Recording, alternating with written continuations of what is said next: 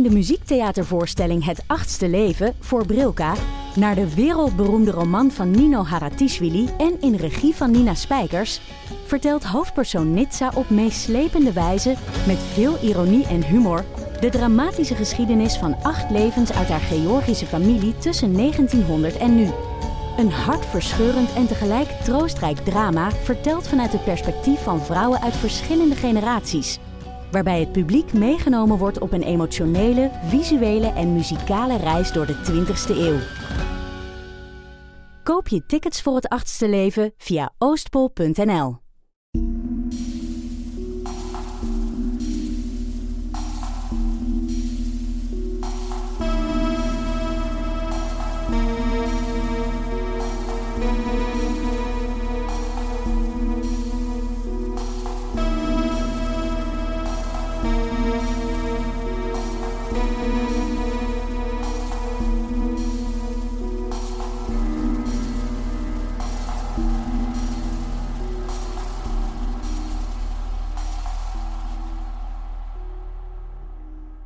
jij het brein van een ware meesterdetectieve?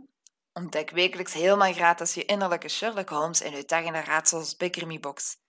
Verover fantastische prijzen en bemachtig de felbegeerde titel van Crimibaas. Durf jij nek aan nek te gaan met de sluwste seriemoordenaars? Surf naar crimibox.com en ga de Crimibaas-uitdaging aan. Welkom bij aflevering 53 van de Volksjury. Wij zijn Laura en Silke. Hier zijn we weer. En we zitten nog steeds bij elkaar. Voorlopig. Voorlopig nog. Ja. Het is... eh, ja, we, we, zit- we, ja, we maken ons een beetje zorgen We wel, hè? maken ons een beetje zorgen. Eh, We zijn vandaag, eh, trouwens, proficiat, een zalige hoogdag. Het is de Belgische feestdag vandaag, Ja, 21 juli. Ehm, ik heb ver- verrassend weinig Belgische vlaggen zien hangen vandaag. Ja, inderdaad. Eh, ik was wel enorm onder de indruk. Eh, Mensen die al regelmatig luisteren weten dat ik naast True Crime ook een enorme fan ben van Koningshuizen. Ehm, en ik heb daar straks al foto's gezien van ehm, koningin Mathilde met een kleed en een mondmasker in dezelfde print. En ik had zoiets van, Matje, jij, jij, weet, jij weet hoe het moet. Eh, dus dat was, eh, dat was al een, een aangename verrassing vandaag. Heb je iets speciaals gedaan vandaag om het te vieren? Heb ik iets speciaals gedaan? Ik heb gisteren volle van mijn frieten gegeten, ik weet niet. Ja. Aan de vooravond van de Belgische Dat kan, feestdag, kan. Belgisch gerechtje. Nee, ik heb niks speciaal. Jawel, ik heb wel iets mega speciaal gedaan. Maar ik was het echt al vergeten. Ik ben vanmiddag naar ehm Rockwerchter eh, Ah, Zomerbar geweest. En het was een eh, optreden van Arno. Ja, Eh, dus, speciaal. ja, super Belgisch. Eigenlijk, ja, echt, eigenlijk heb ik wel iets heel Belgisch gedaan. Ja, het was heel speciaal. Mijn ouders zijn grote fan. Dus ik ben met zijn muziek ook opgegroeid. Ehm, voor wie Arno niet kent, Arno is een Belgische zanger. Oh, ik hoop dat hij deze nooit hoort op leeftijd. Eh, zal ik toch maar zeggen. Ehm, hij is geboren in Oostende, hij woont in Brussel en hij zingt in het Nederlands, Frans, Engels door elkaar.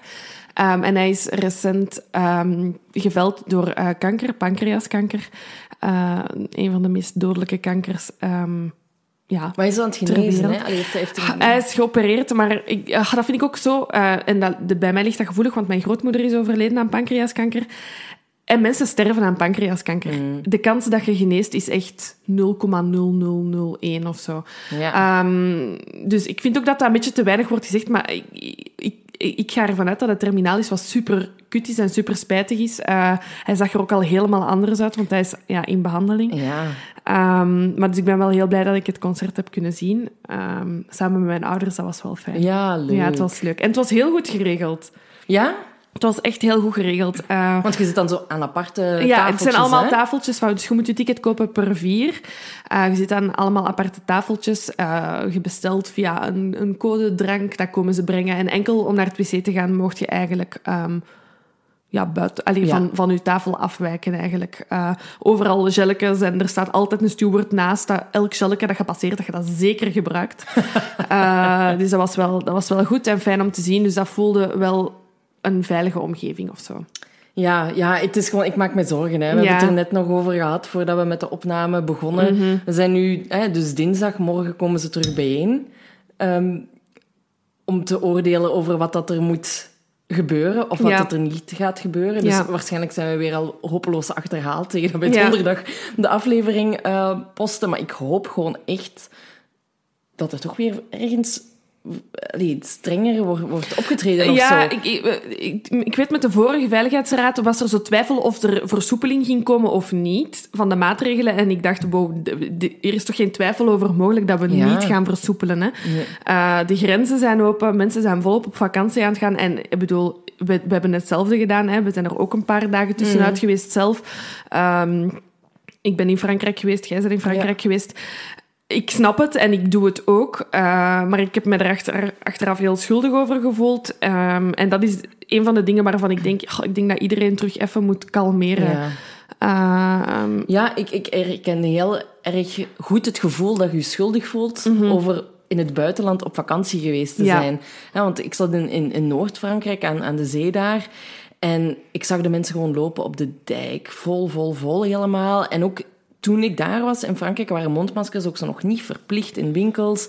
Ehm, dus dat was wel even zo van, oké, we, moeten- we zijn op vakantie, maar we moeten wel verantwoordelijk omgaan. omgaan hier ook met, met, ja, met coronavirus gewoon. Ja. En, en we hebben dingen willen doen die we, waarvan we beslist hebben van ze uiteindelijk niet te doen, omdat Mhm. die binnen waren. We hebben toch gewoon zoveel mogelijk geprobeerd om alles Ja, buiten te doen. We zijn Ja. één keer op restaurant geweest, maar gevoeld gewoon van, shit, alles wat ik hier aan het doen ben, ja, is Ja, een mogelijke is- besmetting. Hè? Inderdaad, en dan zouden we het maar mee terug eh, naar België nemen. Hè. Dus ja, ik, ik, ehm, ik blijf het toch maf vinden dat ze de grenzen opengezet Ja, hebben. ja, en vooral ook, de, oh, ook weer heel typisch België, de onduidelijkheid over die kleurcodes. Oh en god. of Zet nu- maar eens op reis naar Zweden. Ik bedoel... En Kroatië en Catalonië, de ene moment. eh, Ja. Want het hangt er echt vanaf of je vlucht landt, of je de grens oversteekt om 12 uur s'nachts. En de volgende dag eh, zijn de regels anders. Hè. Dus ehm, ik geloof ook niet in code oranje. Hè. Voor mij is het ofwel Ja. groen ofwel rood. En doet je gewoon de quarantaine. En dan nog de quarantaine wordt weer ook niet opgevolgd. En ik, En- weet, ja, ja. ik weet ook niet of het aan, aan, aan, aan de overheid ligt of dat we allemaal wat meer zelfdiscipline moeten hebben. Dat sowieso. Ik denk dat ze nu, als ik het goed begrepen heb, als ik het goed begrepen heb, eh, de overheid nu zoiets had van oké, we gaan de, de mensen een tik op hun vingers geven en hopen dat ze het zelf beseffen. Mhm. Ja, Maar dat gebeurt niet. nee. Denk, allee, ben ik, denk ik. Ja, Of de, of, de, of de boodschap komt gewoon niet Nee. aan. Eh, wat ook kan, en dat ligt dan wel zeker aan de communicatie van, van de overheid. Ehm, maar er moet van bovenaf ja. weer iets opgelegd worden, denk Ja, ik. we zeiden het al eh, tegen elkaar, maar we vrezen dat dit eh, mogelijk Ja. weer onze laatste aflevering is dat we samen gaan kunnen opnemen. Ja, ik zei, Ja. ik zei tegen Laura van, ik denk dat we de volgende aflevering alweer apart gaan kunnen opnemen. Ik woon in Antwerpen. Mhm. Antwerpen is zeer zwaar getroffen opnieuw door het coronavirus. Ja, dus ja, ik denk niet eh, dat, er, ja, dat het binnen nu een paar weken weer Nee. van, van dat is, hoor. Nee, gelukkig hebben we goed geoefend en Ja. weten we hoe dat we op afstand moeten opnemen. Hoe is ik- het voor de rest? Voor mij, ja, goed. Het was, ehm, het was een, een, een soort van verlengd weekend in België. Ehm alleszins voor mij. mijn bedrijf was... eh, ik ben terug aan het werk, maar maandag waren we eh, gesloten. Dus ik ben ehm, ehm, op staycation geweest. Oh, dat woord alleen al. ik haat het woord en ik gebruik het nu zoveel. Nee, ik ben een paar dagen in, eh, in België gaan fietsen. En het, het, het schone Vlaanderen ontdekt. Hasselt ontdekt. Ah, Hasselt ontdekt. Eh, de- Silke stuurde direct de fotoposten van Hasselt. eh, haar postcode met eh, twee eh, opstekende vingers. Dus ik dacht, oh, oké, Limburg is daar. Eh, nee, het was heel fijn. En eh, de Limburgers waren zeer vriendelijk. Uiteraard. Ik had niks anders verwacht. Nee, het was heel, het was heel, eh, het was heel fijn. Ik heb eh, Italiaans gegeten, zoals het hoort in Limburg. Heel veel perenstroop gegeten. Ehm, ja, ik denk dat ik het zo, dat, ik- dat ik de experience Ja, gehad heb. Op de fiets dan ook. Zalig. Ja, maar dat, allee, dat klinkt heel stom, hè, maar dat is dan weer het voordeel dat je je eigen land weer een beetje leert Absoluut. kennen. Want ja, ik zou er nooit aan... Allee, om naar Hasselt te gaan, oké, dat is omdat ik vandaar ben, ja, ja. uiteraard. Ehm, ik zei het net ook al tegen u voordat we begonnen. Ik zou er nooit aan denken om daar op vakantie te gaan. Nee. Meevaller. Meevallig, ja. Absoluut. En voor de rest? Voor de rest, ja, terug aan het werk. Eh, dat is heel Dat is fijn. heel lang geleden Het is heel lang geleden voor mij. Ik ben denk ik bijna vier maanden thuis geweest. Ehm, maar het is heel fijn om terug aan het werk te zijn. Uh, uiteraard, ja, ik zit in een risky business, zeg maar, hè, filmproductie. Dus we zijn een productie terug opgestart waar we eigenlijk ook mee bezig waren net voor de corona. Um, en echt waar, iedereen blijft binnen, want ik wil dit zo graag maken.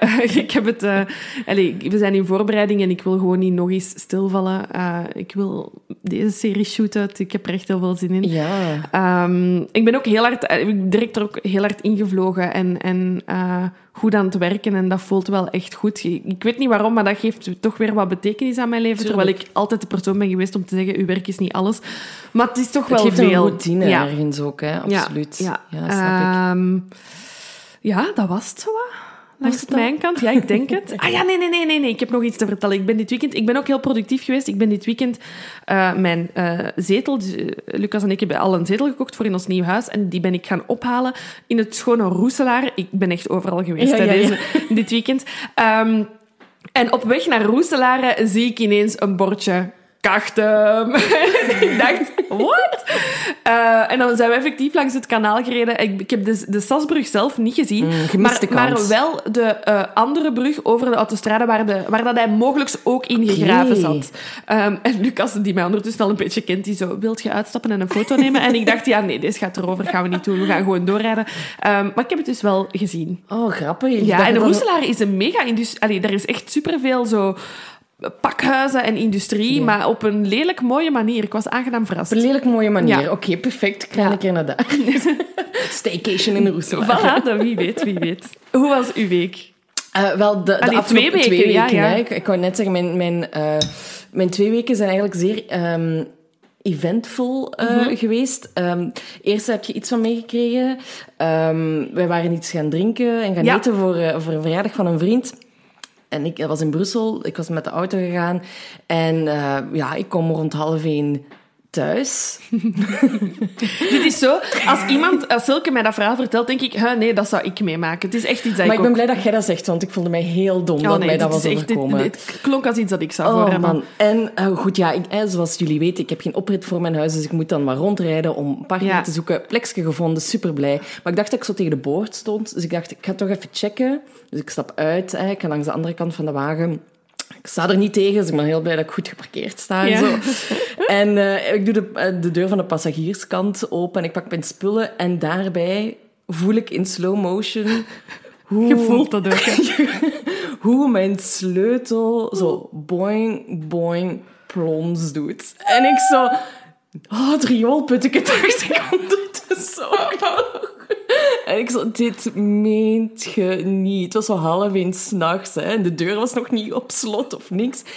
En ik zo, ja, dat, wat moet ik nu doen? Dus ik heb dan mijn lief gebeld. Mm -hmm. En blijk, ik weet, ik weet dat gesprek niet meer zo goed, maar ze zei van... Uh, het eerste wat je hebt gezegd was...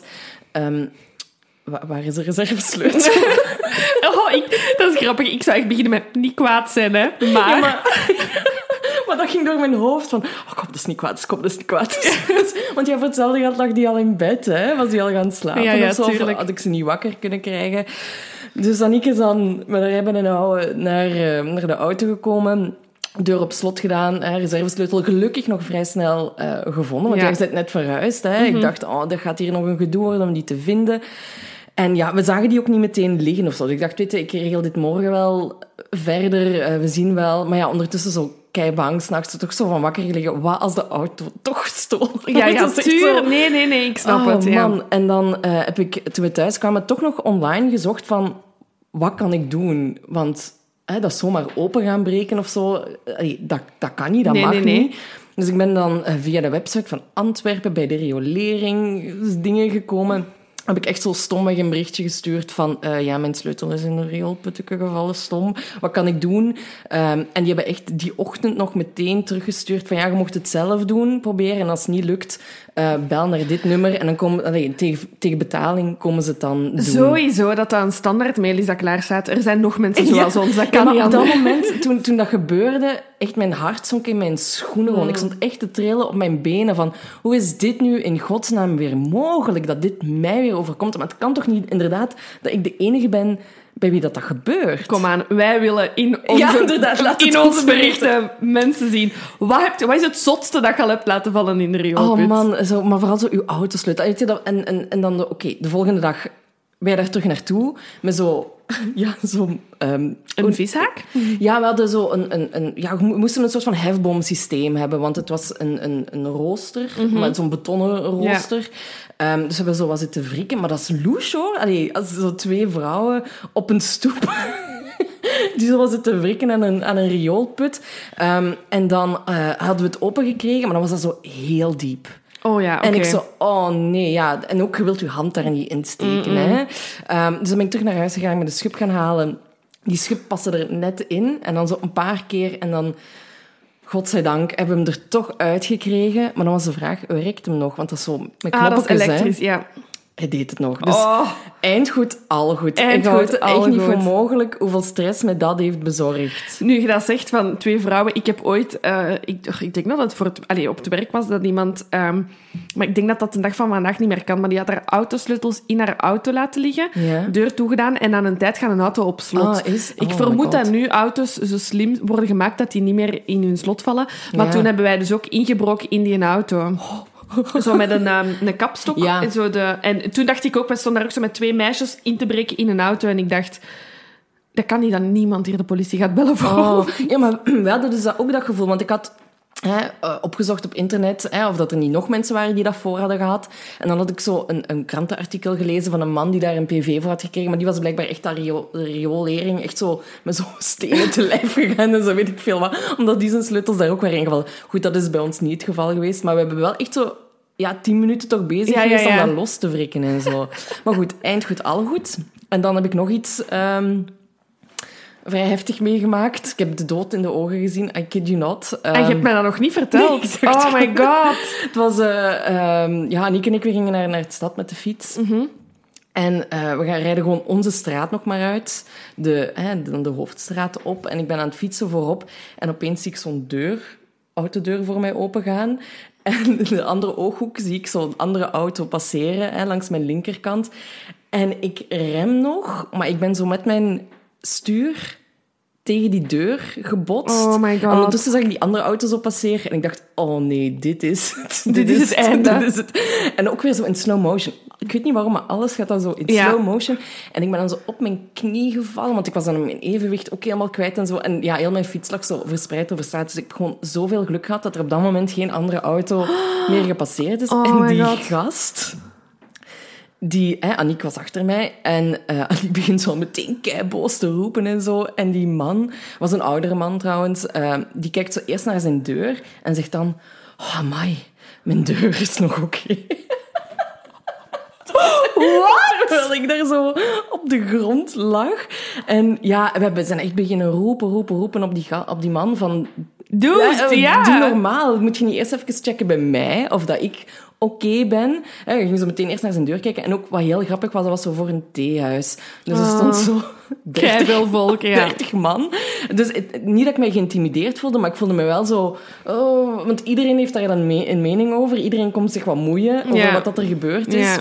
En dan ook zo eh, iemand, ja, maar je bent een sterke vrouw. Ik zie, ja, dude, whatever, what the fuck. Ik, had Ik ben net bijna aangereden door een auto. Ja, inderdaad. En dan het, wat wel lief was, zo ons toch uitgenodigd voor een theetje en zo. Maar ik dacht, ja, nu niet. Nu Ja. even niet. Ehm, en die man, hè, die zijn deur dan had opengedaan, die had dan uiteindelijk wel door van... Oké, ik was hier wel serieus een fout. En Ja. heeft dan zijn excuses aangeboden. Maar ja, weet je, dan zat er zo een zwerm van 30 man. Je denkt ook, oh, corona, corona, corona. Ja, tuurlijk. Dus, dus- en dan zo... eh, Aniek van, ja, wilt je nog even terug naar huis gaan om even te bekomen? Ik zei, ja, ik moet hier nu gewoon weg, laten we maar gewoon doorfietsen naar de stad. Ja. En dan zo tien meter verder toch even zo... Oké, Oké. even, eh, even bekomen, gewoon omdat... Ik kreeg dat niet verwerkt, omdat er zoveel volk, volk was. stond. Nee, snap ik. En, en allemaal goed bedoeld, hè, natuurlijk. Maar, Oh. hè, want dan ook zo eh, een man met een kind op zijn arm die dan tegen mij begon. En, en dan aan de andere kant weer een, een andere man. Het was echt heel veel, heel veel prikkels op een gegeven moment. Maar ik had Oh. gelukkig alleen maar eh, een blauwe plek op mijn knie. Oh, oké. Dat was het. Dat was, en uw fiets is oké. Mijn fiets is oké, maar voor hetzelfde geld, als ik een fractie van een seconde eerder was geweest, dan, eh Ja. dan was het... Allee, ik had nu nog kunnen remmen, hè. Dat zijn zo van die dingen, ja. Dus om maar te zeggen, het, was weer, het waren weer een goede twee weken. Maar ik ben dan inderdaad kunnen bekomen. Vorige week in, eh in Wimereux zijn we geweest. Eh, heel mooi gaan wandelen daar en toch een beetje bekomen van alle, Alle heftigheid. alle heftigheid, inderdaad. Oké. Nee, het is... ehm, Een Ja, bewogen week. Ik, ik heb nu beslist dat ik vanaf nu een helm draag, trouwens. Oh ja, mijn, mijn, mijn, ik heb nu op eh, mijn eh, fietsstaycation eh, ook een helm gedragen, die van mijn broer, want ik heb er zelf nog geen. ehm, maar ik heb ook wel echt beseft van, Dat moet. het moet echt, want het is zo gevaarlijk. Ja, inderdaad. En ook vooral die straat waar ik fietste, dat, dat, dat fietspad is niet echt een fietspad. Dat is zo'n extra laag asfalt dat ze daarop hebben Mm. Ja. gelegd. Maar ook zo... En ik zo, je moet wel kijken. Hè. En ik ook zo, hè. ja, maar ja, ik had gekeken, maar ik had u niet gezien. Oh. Zo van, oké, ja, oké. Je, Gelukkig had ik niks. Nee, nee, nee. Eh, maar het feit dat ik een helm ga dragen is nu wel echt eh, beslist. beslist. Goed ja, zo. ja, ja, ja. Ehm, ik heb nog twee eh, tips. Ja. Ik, dacht, ik ga er... Maar allee, als ik iets zie, dan... dan Ah, tuurlijk, maar ja, ik heb trouwens ook geluisterd naar... ehm, van hoe heet hem, van Studio Brussel. Ja. Eh, de eerste aflevering heb ik geluisterd. Eh, Ja. het- hoe heet de podcast weer? Eh, Iets met vijf- gras. 50 tinten Ja, gra- 50 tinten gras. Ja. Heel leuk. Ja, heel ik leuk. heb hem ondertussen uitgeluisterd en ik weet weer waarom ik verliefd ben op Stijn van de Voorde. Ehm, hij heeft het heel goed gedaan. Het is heel interessant. Ik heb er heel veel uit geleerd. Ja. Ik dacht dat ik al veel wist, maar ehm, het, is, het is echt heel interessant. Ah, ja, het was heel fijn om te horen. Ja, dus ik ga zeker verder luisteren. Ja. Ik heb ook nog een, eh, een podcast die ook trouwens ehm, gedeeld is geweest in onze eh, Mhm. Facebookgroep. Eh dat is een, eh, het zijn twee delen van Argos, eh, de Nederlandse podcast eh, van de, ja, nu ga ik van de VPRO, NPO. weet het niet. Meestal, meestal zijn ze Iets- van iets- VPRO, ja. VPRO. Ehm, en het is eigenlijk een verhaal in twee delen. Het eerste verhaal ehm, heet, heeft de titel Het verhaal van Lisa. Ehm, en dat is al bijzonder heftig. Dat gaat over hoe dat zij seksueel misbruikt is geweest. Oeh, eh. Tot eigenlijk nog niet zo lang geleden. Maar dat de politie haar eigenlijk niet gelooft. Oké. En Argos gaat met eh, betrokkenen praten en zo. Tot daaraan toe. Sowieso al heel heftig. En het tweede deel heet, en daar zeg ik eigenlijk al alles mee, ehm, Glasscherven en duistere rituelen. Argos onderzoekt satanisch ritueel misbruik. Ja. Dus dat, dat is... De, ik moet zij direct- Zijn, ja, zij Ah, zijn daarop gesprongen eigenlijk, Ja. op dat verhaal. En ze, zijn, ze hebben een oproep gedaan, geloof ik, naar Ja. mensen van, ja, herkennen jullie zich, of zijn er mensen die zich herkennen in het verhaal van Lisa? Ehm, waar dat er eh, vrouwen die misbruikt worden met glasscherven en ja, Oh echt, ik was echt Het doet mij ook echt een beetje denken aan Christine van Ees, onze eerste Ah, wel. aflevering. Ik dacht, als Argos hierop springt en zegt van de politie doet er niks mee, Ja. ehm, maar uit ons onderzoek blijkt wel Ja. dat er wel degelijk iets aan de hand is, dan ging bij mij ook al belletjes rinkelen van, mm, zou Mark Dutroux er dan toch... Allee, snapte, zou er dan Mm. toch iets geweest zijn vroeger of nog steeds? Want dat verhaal van Argos is nog maar heel recent, hè? Dat er een of ander netwerk of verschillende netwerken bestaan. Eh, Mhm. Ja. vooral in Den Haag, maar ook met de Belgische grens en zo. Ja. Ehm, ik, was echt, ik ben er echt aangedaan van van deze dan. afleveringen. Ja. Echt een paar dagen. En nu dat ik er terug over bezig ben, Ja, ja, ik eh, zie het. Ja, je zet er... eh, dat het, ja, dat is zoiets dat je nog kan, snapte? Ja. Zo, en dat niemand daarvan weet Ja. heeft.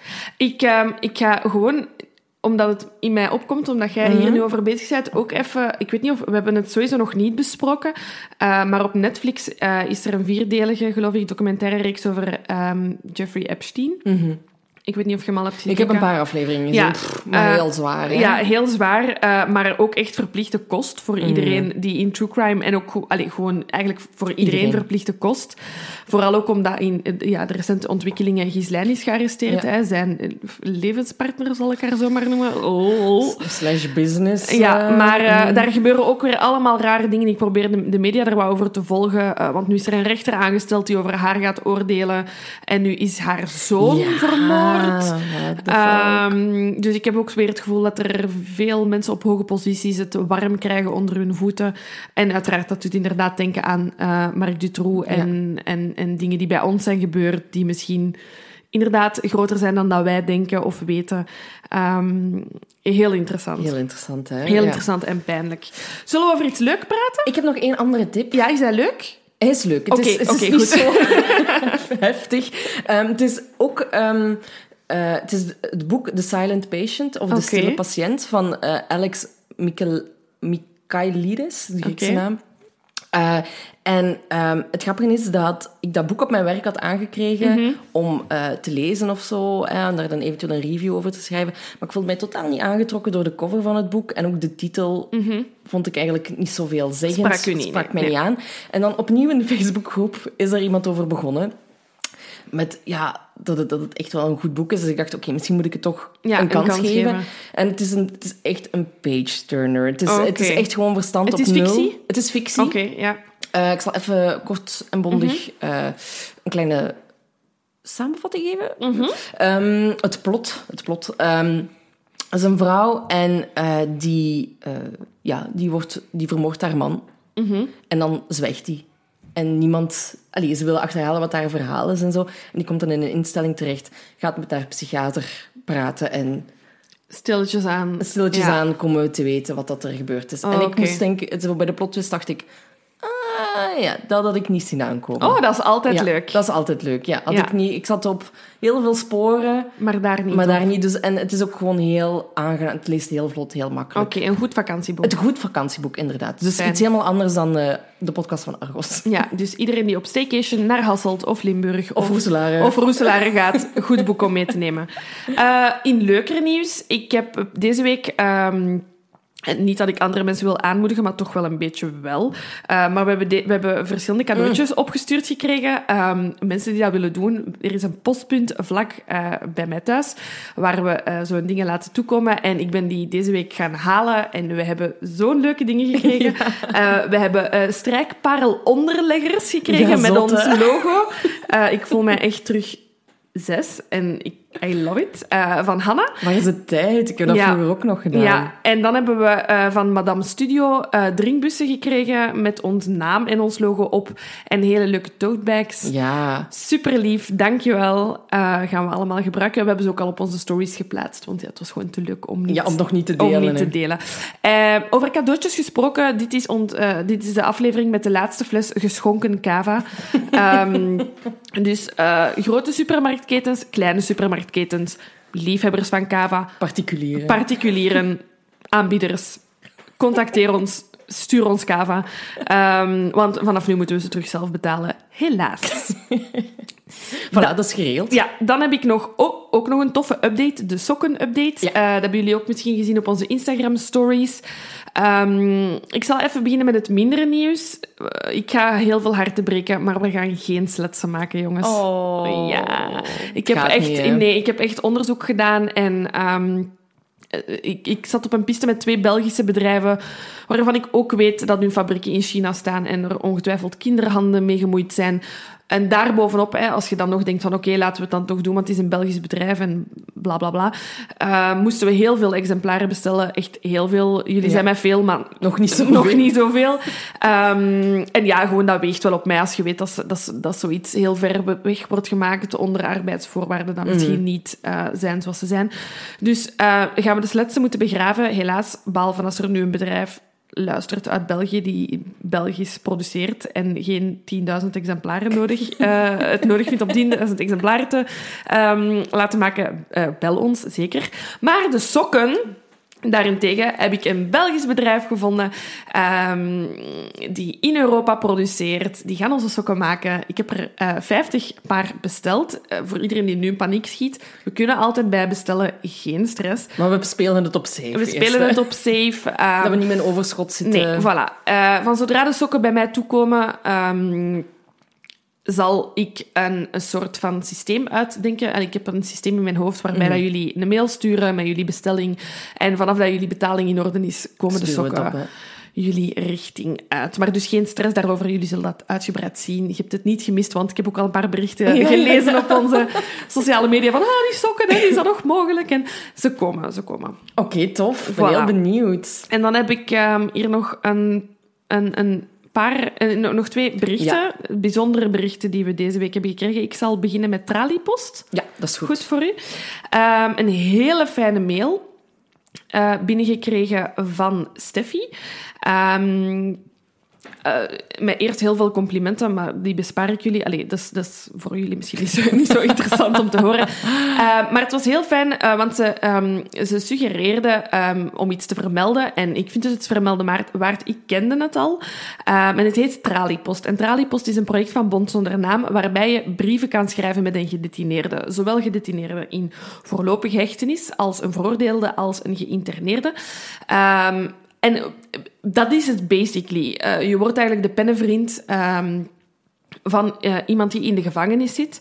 Uh, en je kunt daar alle kanten mee opgaan. Hè. Er wordt aangeraden om vooral veel over je eigen leven te vertellen. En dan bedoel ik niet uh, uw privéleven, maar uw favoriete films of series of boeken. misschien ontdek je zo'n gemeenschappelijke interesse waarover je met die persoon kunt sturen. Want ik ga ervan uit dat er niet heel veel mensen die naar ons luisteren al in de gevangenis zitten of nog in de gevangenis zitten of ooit in de gevangenis hebben gezeten. Maar ik kan er mij wel iets bij voorstellen dat het een heel eenzaam leven is. Ja. En dat, dat contact met de buitenwereld gewoon wel heel um, fijn is. Uh, dus mensen die zich geroepen voelen of die dit interessant vinden, uh, jullie kunnen op de website van Bond zonder naam alle info daarover vinden. Dus het project heet Traliepost. Um, en zo kun je dus een conversatie starten met een gedetineerde. Ja, ik zou dat wel spannend vinden. Ja, ik ken, ik ken het project omdat ik in een, uh, voor ons eindwerk, we hebben alle twee journalistiek uh, gestudeerd, mijn eindwerk heb ik radio gedaan. Um, en ik heb uh, een radioreportage gemaakt over brieven die mensen hun leven heeft veranderd. Mm -hmm. en dit was een van de, van de brieven. dus ja. ik, had, ik heb een meisje geïnterviewd die... Um, die met een gedetineerde uh, brieven schreef. Maar ik heb bijvoorbeeld ook een mama geïnterviewd die een afscheidsbrief heeft gevonden van haar kind dat zelfmoord heeft gepleegd. Um, wow, allemaal verschillende Ja, brieven. ja, Ik heb geen idee waar dat eindwerk is. Dus ik zou ook niet kunnen zeggen, jullie mogen het nu horen. Maar zo kende ik het project en ik heb toen ook echt getwijfeld om het te doen. Um, maar ik denk dat het niet echt iets voor mij is. Nee, ik, uh, we hebben het daar in onze Q&A over gehad. Hè? Van hoe dat we zouden tegenover staan om met een gevangene te praten. Ja, Ehm, ik heb het al eens gedaan. Ja. En het is heel... eh, intens. Heel intens, ja. Ja. Vooral als je weet wat dat die persoon gedaan heeft. Mhm. En hè, iedereen verdient een tweede kans en zo, hè, tuurlijk. Maar het, het blijven wel daders. Mhm. Ja, En dat vind ik heel moeilijk om, Ja. om verwerkt te krijgen in mijn Ja. hoofd. Maar ik heb enorm veel bewondering Ja, voor mensen die dit wel kunnen. eh, en ik hoop dat er luisteraars eh, zoiets hebben van... Oh, nee, jawel, misschien sta ik daar wel voor open. Eh, dus zeker doen, als u dat interesseert. Ja. En dan hadden we ook nog een, een berichtje van Sophie. Ja. Ik heb het nu niet voor mij staan. Ehm, ik kan het wel even voor mij nemen. Moet ik Doe het even maar. voorlezen? Doe maar, ja. Een ogenblikje, hè. Sorry, hè, jongens, want nu moet ik even door mijn Instagram Ja, ik gaan. was ook niet voorbereid. In ieder geval, wat dat ik al kan eh, meedelen is... eh, Sophie, je hebt mijn hart gestolen en ik heb zoveel kippenvel gehad. Het was echt kippenvel, hè. Ik Ja. las het en ik heb meteen naar Laura gestuurd. Oh, je moet dit berichtje even gaan lezen. ja. want, ik ga het eh, even integraal voorlezen. Ehm, hey Laura en Silke, ik wou jullie even laten weten dat jullie podcast voor al zeker één persoon veel meer was dan gewoon wat entertainment op weg naar het werk of s'avonds in bed. Drie weken geleden ben ik van de ene dag op de andere volledig blind geworden aan beide ogen door een ernstige bacteriële infectie. De dokters konden niet met zekerheid zeggen of ik ooit mijn zicht zou terugkrijgen of niet. Als 25-jarige die denkt dat de wereld aan haar voeten ligt, zie je je hele leven zoals je het in gedachten had, wegsmelten als sneeuw voor de zon. Aangezien mijn job in de advocatuur bestaat uit lezen, schrijven en nog meer lezen, zou ik deze niet meer kunnen uitvoeren. Autorijden, fietsen, ook geen optie meer. Een huisje of appartement komen, kopen met welk geld. En zelfs alleen zelfstandig leven zou nog verre toekomstmuziek zijn, vermoed ik. Kortom, mijn, mijn leven zag er even niet zo rooskleurig uit. En het erge is dat wanneer je blind bent, je echt alleen bent met je gedachten. Geen series of films, geen Netflix, geen terrasjes of gezellige avonden, aangezien mijn infectie, aangezien die infectie elk greintje energie uit mijn lijf zoog en ik ook geen licht kon verdragen. Totdat, halleluja, ik op het idee kwam om jullie podcast te luisteren. Reeds zeer lange tijd bemind en aangeraden door vriendinnen, maar ik was er ehm, nog nooit eerder aan begonnen. Ik heb al jullie afleveringen echt vol een tube erdoor gejaagd en o zo van genoten. Echt waar, Laura en Silke, duizendmaal dank. Jullie hebben mij de broodnodige afleiding gegeven, wat ervoor zorgde dat ik optimistisch en vrolijk bleef. Al moet ik wel toegeven dat ik na week twee vrij lugubere dromen begon te krijgen. Mijn ogen hebben zich wonder boven wonder helemaal hersteld, dus pak dat de volksjury vanaf nu ook een hele, helende werking kan hebben. Dank je wel, een nieuwe fan. Dat, dat- Ik, was moet al echt- weer bijna winnen. Maar we hebben nog zo, zulke berichtjes gehad Ja. hè, van, men- van iemand die met het coronavirus had. Ja. Om, dan, om dan te beseffen dat wij daarbij eigenlijk zijn, Mhm. is, is, is, is moeilijk te... Allee, komt Ja. wel echt binnen bij mij. Ja, absoluut. Dat wij toch iets kunnen betekenen. Want wij zitten hier maar. Hè. Mhm. We doen onze research. Dus, allee, we steken er tijd in en zo. Maar om te beseffen dat we zo'n impact kunnen hebben op, op iemand of op Mhm. mensen, dat is... ehm, Ja, dat doet mij echt wel iets. Ja, dat doet mij iets. En we hebben het al vaak gezegd, maar nu nog eens. Hè, als, ehm, als heel deze corona-miserie voorbij is, ehm, denk ik dat bij ons alle twee op één staat om jullie zo snel mogelijk eens in, echt, in het echt te kunnen zeker. zien. We willen heel graag een live show doen, hè, waarbij dat we achteraf zeker de tijd maken om jullie allemaal eens in het echt eh, te spreken. Dat is echt iets wat dat heel hoog op onze wishlist staat. Zeker omdat wij altijd met twee zijn en het gewoon echt... Ik wil heel graag eens het gezicht achter Ja. onze luisteraars zien. Uh, dus uh, van zodra het mag en kan, is dat echt iets dat we echt wel willen doen.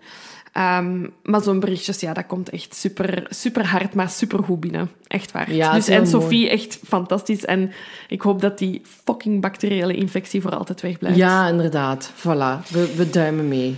En dan heb ik nog een laatste. Oh, hier kan toch geen aflevering gemaakt worden zonder dat we ze vermelden. Hier zijn we weer. Bende van Nijvel. Ja, want het is een drukke week geweest bij de speurders. Ik, ik moet eerlijk zeggen dat ik het een beetje heb laten passeren of, Mhm. of niet gezien heb omdat ik op vakantie was en zo.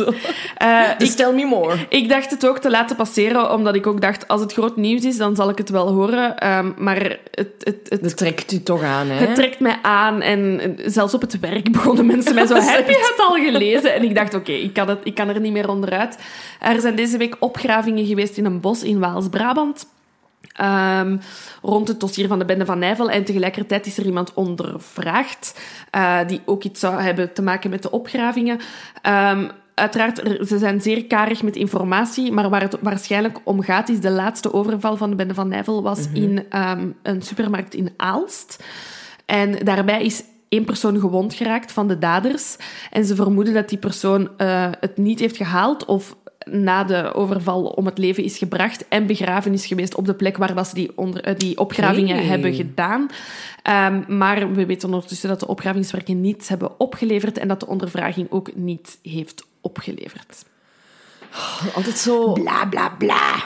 Ja, weet je, Ja. dat er altijd ergens naartoe en dan zo... Ah, nee, toch niet. Echt, Nee, eh, oh. vanaf dat er zoiets van het nieuws binnenkomt en oh, er is een nieuw spoor of er is iets niet, dan denk ik altijd, ja, we zullen wel zien. En het is zo Ja, spijtig dat, het, dat ik nooit word tegengesproken. Ja, maar dat heb ik ook. En daarom denk ik dat ik het ook... Eh, ik heb wel gezien dat er iets was van de. Benne van Nijvel, maar ik heb het niet gelezen, want ik dacht... Ja, zal wel. Ja, het zal wel. Als Zal er wel iets is, inderdaad, groots, dan zal het wel op de voorpagina staan Ja. en dan zal ik het wel lezen. Maar weet, we lezen het en Sowieso, ja, we houden jullie wel op de hoogte. eh, zoals Ik we heb Laura die mij op de hoogte Ja. Hey Laura, gezien ik al verhuisd ben en jij nog niet, kan ik je alvast één toptip meegeven voor je aanstaande verhuis. Maar Silke, zo lief, vertel me meer. Wel, ik kwam mijn witte muren wat op vrolijken en kwam terecht bij Decenio, een website gespecialiseerd in posters en kaders. Het zijn trendy en mooie kunstposters en ik koos onder andere voor een vintage illustratie van Palm Strings en een grafische Bauhaus poster. Wauw, dat klinkt fantastisch. En hebben ze ook posters met kava? Zeker, voor ieder wat wils. Surf naar www.decenio.be om een gamma te ontdekken. En met de code De Volksjury, kleine letters en aan elkaar, krijg je wereldwijd 10% korting op posters van Decenio bovenop de onsite aanbieding van 30%. De code is geldig van 24 juli tot en met 31 juli. De code geldt niet op kaders, handpicked en gepersonaliseerde posters. En ik lees dat ze hier twee bomen planten voor elke gebruikte boom in de productie van hun posters. Ik ga dan nu bestellen. Ik ben benieuwd naar het resultaat. Eh, zullen we na, ik weet niet hoe lang zijn we hier al aan het opnemen, een keer beginnen aan de aflevering? Goed idee. We hadden elkaar weer even niet gezien. Ja, gemerkt. Het is voor ons ook even... We proberen het nu wel te beperken door op voorhand al even met elkaar te praten. Helpt niet. Helpt niet. We hebben gewoon zoveel te vertellen. Ehm, ik heb mijn lesje geleerd uit vorige keer. En ik heb opgeschreven, want ik heb een zaak gekozen Ja. deze week. Ehm, en omdat hij gesuggereerd was... Ingrid, bedankt voor je Facebookbericht. Want het is dankzij jou dat we deze zaak brengen. Wat stuurde zij? Ze stuurt Goedemorgen Laura en Silke. Kennen jullie de zaak van Dalia Dipolito? Het is een Amerikaanse case. Amerikaanser gaat het ook niet worden. Ik geloof dat het een heel vrolijke aflevering zou worden. en ik dacht, hmm, Amerikaanser wordt het niet. Vrolijke aflevering, moeten we checken. En Ja, het was echt she zo. hè. was right. Het is Ja. echt... ehm, het is een avontuurtje, jongens. Ik hoop dat jullie er klaar voor zijn. Buckle up. Buckle up, here we go. We zijn, even scrollen in mijn voorbereiding. Wel, de spanning is te snijden ondertussen. Ehm, ja, we zijn 5 augustus 2009. Ja. We zijn in Florida, Eh, een buitenwijk van Miami, maar aan het water, Ja. warm. Ja, meer kan ik daar eigenlijk niet over zeggen. Zit je Eh, daar geweest op je wereldreis? eh, in Miami, ja, daar zijn we ja. gestart. Eh, bedankt om het... ik dacht, ik ga hier niks over zeggen, maar oké. Bedankt om het aan te halen, Silke. Jawel, ik ben in Miami geweest. Ehm, het is er warm en tropisch. Het is eh, 5 augustus 2009. Het is, een, het is een, een mooie zomerochtend. Het is vroeg, het is 6 uur ochtends. Ja. En Dalia Dipolito vertrekt naar de gym. Eh, dat Wie doet- doet dat nu? ja, wie doet dat nu? Ten eerste, wie doet dat nu? En Dalia, dat meisje, doet dat elke dag. Ja, oh ze heeft een God. routine. Elke dag staat ze 's ochtends op om zes uur om te gaan sporten, om haar dag goed te beginnen. Wie is Dalia? Dalia is een mooie jonge vrouw. En zij is getrouwd eh, met meneer Dipolito. En normaal gaat hij mee. Normaal Ja. gaat hij mee sporten. Maar... ehm, deze week gaat hij niet mee. Waarom? Silke, hij heeft een liposuctie laten doen om zijn love handles aan zijn heupen ehm, ja, te laten wegbranden. Wat gebeurt er bij zuigen? Ja, bij een liposuctie. Te en hij is, liposuckeren. hij is aan het herstellen van die eh, chirurgische ingreep, dus hij kan niet mee gaan sporten. Het enige wat we dus al zeker kunnen weten over dit koppel is... eh, uiterlijk en sportiviteit is zeer belangrijk, want ze gaan dus dagelijks sporten. Dalia begint aan haar een workout om zes uur 's ochtends. Ik herhaal het nog eens, hè. om zes uur 's ochtends begint Dalia aan haar workout in de gym. Ehm, en ineens wordt ze opgebeld. Eh, Ja. Het eerste telefoontje mist ze, maar ze, krijgt- haar telefoon staat rood gloeiend, dus ze neemt alsnog op. En wie? Ze krijgt de, tele, de, ze krijgt telefoon van de politie eh, van de stad, die eh, haar zeggen van, kijk, ehm, er is een incident eh, voorgevallen bij u thuis. Ehm, het lijkt ons het beste dat je zo snel mogelijk terug naar huis komt. Verdere info geven de politieagenten aan de telefoon niet. Dalia is in paniek, Ja. stapt in haar auto ehm, en rijdt naar haar huis. Toeval wil dat op 5 augustus 2009 de politie van het district in Miami, waar Dalia haar huis staat, wordt gevolgd door de politieshow Cops. Ehm, voor de Belgen, het is een beetje zoals eh Lucalo Ja. en de wegpolitie. Eh, het is gewoon een eh, reality cameraploeg die het reilen en het zeilen van verschillende politieagenten volgt. Dus niet per se enkel in Miami, een beetje overal in Amerika, maar die week, vermoed ik, volgen ze ehm, de politieagenten in Miami. En dat maakt dat, ehm, dat deze zaak direct enorm veel aandacht heeft gekregen. Want de beelden van cops eh, verschijnen later die dag onmiddellijk op het internet. En wat zien we op die beelden? eh, en wat gebeurt er dus ook ehm, In real life? Is dat Dalia toekomt. eh, die rijdt haar straat binnen. Alles is afgezet met politielint. Er staat een ambulance, superveel politiewagens, nog meer politieagenten. Eh, dus zij komt daar een beetje verdweest toe. Dat is ook te zien op de beelden. Ze kijkt Ja. zowel ja, in de war rond. Politieagenten merken haar onmiddellijk op en spreken haar aan. Eh, ah, bent u Dalia Di Polino? Ehm, eh, kijk, er is eh, een incident geweest bij u thuis. We vermoeden een gewapende overval of een huurmoord. En we hebben helaas het slechte nieuws. Uw man, Michael Di Polito, is overleden. We zien Dalia in, op die beelden dat nieuws krijgen. Ja. Die valt bijna in elkaar. Met haar volle gewicht klampt ze zich Ja. vast aan een van de agenten. Ze begint te huilen. Ja, je zou het verminderen, Ja, je zou het verminderen. Ze, ze straalt paniek uit. Ze murmelt. Mag ik hem zien? Wat, wat, wat is er Ja. gebeurd? Politieagenten blijven heel rustig en zeggen: Kijk, we gaan u meepakken ehm, naar ons kantoor. Eh, we gaan er daar even samen rustig doorgaan. Hè. Stapt u maar in de politiewagen en we nemen u mee Ja. voor uh, ja, een, een, keer te checken. Te checken ja, Ja. of alles in orde is eigenlijk. Dus ze gaat het huis zelf niet meer binnen. Ze stapt in de politiewagen en het volgen, want die beelden verschijnen diezelfde dag nog online. Heel veel reactie, heel veel mensen die ja, bezorgd zijn Meeleven, en hè. meeleven en willen weten wat dat er is. Ehm, en nu zijn we eh, dus op weg naar het politiekantoor, waar dat dan eigenlijk de volgende fase van deze zaak eh, Wordt- gebeurt. wordt- gebeurt. Maar ik, ehm, het is misschien handig als we eerst ingaan op wie dat ze zijn. Wie ze hè. zijn, perfect. Dus we zitten met eh, Dalia en Michael Dipolito. Ehm, Dalia is 26 op het moment van de feiten en eh, Michael is er 38, geloof ik. Ehm, eh, zoals je al zei, ze, hebben, eh, ze zijn eigenlijk net getrouwd. Ze dragen hun, hun beauty hoog in het eh, vaandel en zo. Ehm, en Michael Dipolito, zoals zijn naam al doet uitwijzen, heeft Italiaanse roots. Hij staat vol met tatoeages, waaronder een vrouw, een Italiaanse vlag, Jezus en een panter. Om maar te zeggen, een beetje een Geordie Shore type. Goeie combo, denk ik. Ja, dan. ja, ik kan, Shore. ja je, wilt, je, wilt je, er, je wilt niet echt een oordeel vellen, maar ik heb ondertussen ook beelden, want er zijn heel veel Mm. beelden van hen eh, online te vinden. Het is inderdaad een, een gebruind, sportief, niet vies van plastische chirurgie koppel uit Miami. Ja, inderdaad. Nu, ehm, Michael heeft geen blanco strafblad. hè. Ehm, op zijn 22e bijvoorbeeld, dat is in 1993, is hij al eens in Philadelphia ge- ge- oh, gearresteerd geweest, eh, omdat hij drugs op zak had en die zogenaamd zou verkopen. Maar hij is weggevlucht en er is nooit meer gehoor aangegeven. Ehm, Michael is daarna naar Florida verhuisd. En daar heeft hij Karen leren kennen. En samen krijgen ze een zoon. Ehm, maar na de geboorte van die zoon eh, begint Michael eigenlijk meteen een, een relatie met een andere vrouw, met Mar- Maria. Ehm, maar ondanks het nieuwe familiegeluk kon hij toch niet wegblijven van eh, die misdaad.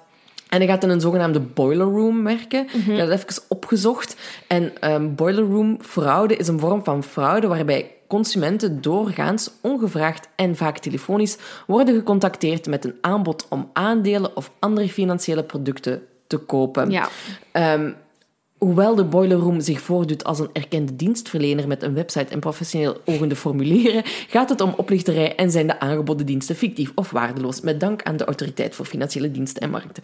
Dus, dus om maar te zeggen, er worden diensten aangeboden, mensen betalen en die diensten worden uiteindelijk niet Ja. geleverd. Ehm, nu, Michael is daar even mee bezig, daar, hij wordt daarvoor niet opgepakt of zo. Ehm, hij leert daar echt het vak wel, om het dan zo maar te zeggen. En eh, hij richt zelf twee bedrijfjes op en gaat eigenlijk verder met die fraude. Hij kon zelfs bij sommige mensen zo tot 25.000 dollar loskrijgen. Hè? Ja. Ehm, maar uiteindelijk werd er toch een klacht ingediend. Het, het, het is zo raar dat er dan pas een klacht wordt ingediend. Hè? Dat dat zo lang geduurd Ja. heeft. Of ja, wie weet konden ze zodanig de politie eh, Omzeilen. omzeilen of zo. Ik weet het niet. Ehm, en in 2002 wordt Michael dus gearresteerd. Ehm, hij pleitte schuldig eh, en werd veroordeeld tot twee jaar gevangenisstraf. Maar na zeven maanden mocht hij de gevangenis alweer verlaten, omdat hij dus al daarvoor een, Ja. een geruime tijd in de gevangenis had gezeten terwijl hij op zijn rechtszaken wachtte. Hij Ja. zat dus in voorrechtenis. Ja. Ehm, maar wat wel belangrijk is, ook voor dit verhaal, is dat hij nog maandelijkse terugbetalingen moest doen Ja. aan zijn slachtoffers. En kreeg hij een proeftijd, hè, probation, tot eh 2032. Hè. We zijn 2002 hè, op Ja. dat moment. Dus Dat dat is is zeer, lang. Hè? Maar ja, we spreken hier ook echt over hele grote bedragen. Hè? Ja, Als je het allemaal optelt, is die mens heel veel mensen heel veel geld schuldig. Absoluut, absoluut. Ehm, nu, hij verlaat de gevangenis en volgens familie en vrienden slaat hij een nieuwe bladzijde om. hè. Hij begint een nieuw leven. Ehm, hij richt in 2007 opnieuw een bedrijfje op, een soort van online marketingbedrijf. Ja, En eh, gebruikte een deel van zijn inkomen om ja, zijn slachtoffers terug te betalen. Al was dat volgens een van de slachtoffers wel maar 8 à 10 dollar per maand. ja oké. Om Dus maar te zeggen... Het lijkt oké, maar toch niet. echt. Inderdaad, Ja. inderdaad. Ehm, en al die tijd is Maria eigenlijk bij hem gebleven. Ja, hè? Door dik en dun, de goede tijden, eh, slechte tijden. En ze trouwen dan ook in 2007. En op dat moment kenden ze elkaar dus al eh, een jaar of negen. Even tussendoor, ik heb echt dit weekend nog tegen Lucas gezegd, als je ooit in de gevangenis belandt, ben ik weg. Ik stuur geen brieven naar gevangen. Nee, en, oh, en ook echt zonder context heb ik dit gezegd. Er was Oh, nee, echt zo echt? geen enkele aanleiding. En ik zo, weet je, als je ooit in het gevangen zit, ben ik weg bij u. En hij was echt zo, ook als ik onschuldig ben. En ik zo, "Mm, ik denk het wel. Moet op streep staan, Ja, verdikken. voilà. Ehm, en Maria die, die zegt eigenlijk eh, van ja, ik heb eigenlijk echt niks slechts over hem te zeggen. Ehm, maar wat dat ze niet wist over Michael, was dat hij wel eens in zijn vrije tijd vergat dat hij een trouwring aan had. ja. Ehm, want, wat deed Michael? Hè? Michael is heel lang ook verslaafd geweest aan drugs en alcohol. Mhm. Hij probeerde daar nu van af te blijven, maar hij had ook volgens mij wel een seksverslaving. ja, lijkt wel, ja. Ehm, want hij zat avondenlang bepaalde websites af te schuimen op zoek naar ja, vrouwen die eh, bij hem een bezoekje konden brengen. Ehm, en dat deed hij ook toen Maria in 2008 op vakantie was. En hij heeft toen een escorte gebeld genaamd eh, Dalia Mohammed. Wie zou dat Wie zijn? zou dat zijn? Ehm, Dalia is, ja, even over haar, ehm, is van New York, is geboren in New York, oudste van drie kinderen. En wanneer Dalia dan 13 is, verhuist de fa- hele familie naar Florida. Hè. Dus Ja. zo komen we allemaal terecht in Florida. Eh, haar vader heeft Egyptische roots, haar moeder komt uit Peru. Eh, haar ouders gaan uiteindelijk nogal uit elkaar, omdat haar vader een affaire bleek te, hadden, bleek te hebben. Ehm, maar Dalia blijkt naar, blijft naar school gaan en zo, en alles blijkt wel oké te gaan voor Mhm. Ja, haar. ze, gaat, ze, gaat, ze, studeert af van het middelbaar. Ze gaat zelfs naar de universiteit. eh, of toch naar college, dus verder studeren. Ehm, maar dan is het zo wat onduidelijk wat dat er allemaal... Ja. ehm, in het leven van, van, van Dalia gebeurt eigenlijk. Hè. Ehm, dus ze zou gaan zijn studeren. Ehm, en heeft ze die studies afgemaakt? Dat weten we niet echt. Ehm, maar ze is eh, in haar eh, net afgestudeerde, of ja, na haar studies eigenlijk, eh, in haar net afgestudeerd leven, wou ik zeggen, eh, verhuisd naar Californië. En daar leert ze een architect kennen, ehm, met wie dat ze eigenlijk eh, vrijwel onmiddellijk een relatie eh, begint. En eh, ze verloven zich vrij snel. Hè. De, architect zou toch wel wat geld hebben gehad en heeft een hele dure verlovingsring voor haar gekocht. En het komt erop neer, eh, of dat zeggen toch vrienden van haar, eh, getuigen dat in een, in een krantenartikel van, kijk, ze heeft de ring aangenomen, een beetje geld van hem afgetroggeld en dan heeft ze hem verlaten. Ja, Dat is niet echt de schoonste manier om beschreven te worden door je vrienden, denk ik dan. Nee, nee, maar goed, Michael doet eigenlijk... Hij is ook wel heel smerig naar Ja. zijn relaties toe. Ja, hè? absoluut. Ehm, want van Michael en, en Dalia, die beginnen eigenlijk meteen een relatie vanaf het moment dat zij zijn kantoor binnenstapt. Ze Ja, klikken dus- meteen. Ja, hij boekt haar eigenlijk Ja. als een, als een escort, escorte, hè, een- als een sekswerker. Ehm, maar ze spreken zelf, wat dat perfect kan. Hè. Dit zou een zeer slechte romantische komedie Ja. kunnen zijn in Hollywood. Eh, maar ze Met zeggen, Julia Roberts. Ja, met Julia Roberts en Richard Gere. Is dat Pretty Woman? Eh, en hij wordt verliefd op haar en zij wordt verliefd op hem. Ehm, of dat dan betaald is of niet, dat weet ik Ja, niet. nee, nee. In ieder geval, ze starten een relatie. En Michael, ehm, nog voor eigenlijk zijn, ehm, zijn eh, vrouw Maria terug is van reis, Ja. eh, heeft hij eigenlijk al beslist van oké, dit huwelijk zit erop. Maria landt bij wijze van spreken om zeven uur en om acht uur s'avonds zegt Michael, kijk... ik zie het niet meer zitten. Hij mentioned niet dat hij iemand anders Nee. heeft leren kennen. Ehm, en Maria komt er dan eh, ja, via via achter. Ze heeft hem een keer bloemen zien kopen. Ja. eh, die ze nooit heeft ontvangen, want ze waren in scheiding. Eh, dus had wel door dat er een andere persoon in het spel was. Ehm, en Maria en Michael zijn gescheiden van elkaar. En binnen de vijf dagen ehm, trouwen Dalia en Michael met elkaar. Je hebt er gewoon geen woorden voor hoe snel dat, dat dus, gegaan ja, is. heel erg snel. En hij moet ook heel erg zeker zijn. Ja. Eh, allee, dat lijkt dan toch zo voor de Ja, buitenwereld. en, en eh, het lijkt ook allemaal goed te gaan. Hè? Ja. Ze, ze, ze, ze vormen al snel een routine hè, met die fitness bijvoorbeeld en zo. Eh, Dalia was veel te vinden, ook in kapsalons en zonnebankcentra. Mhm. Ze ging shoppen, naar de fitness.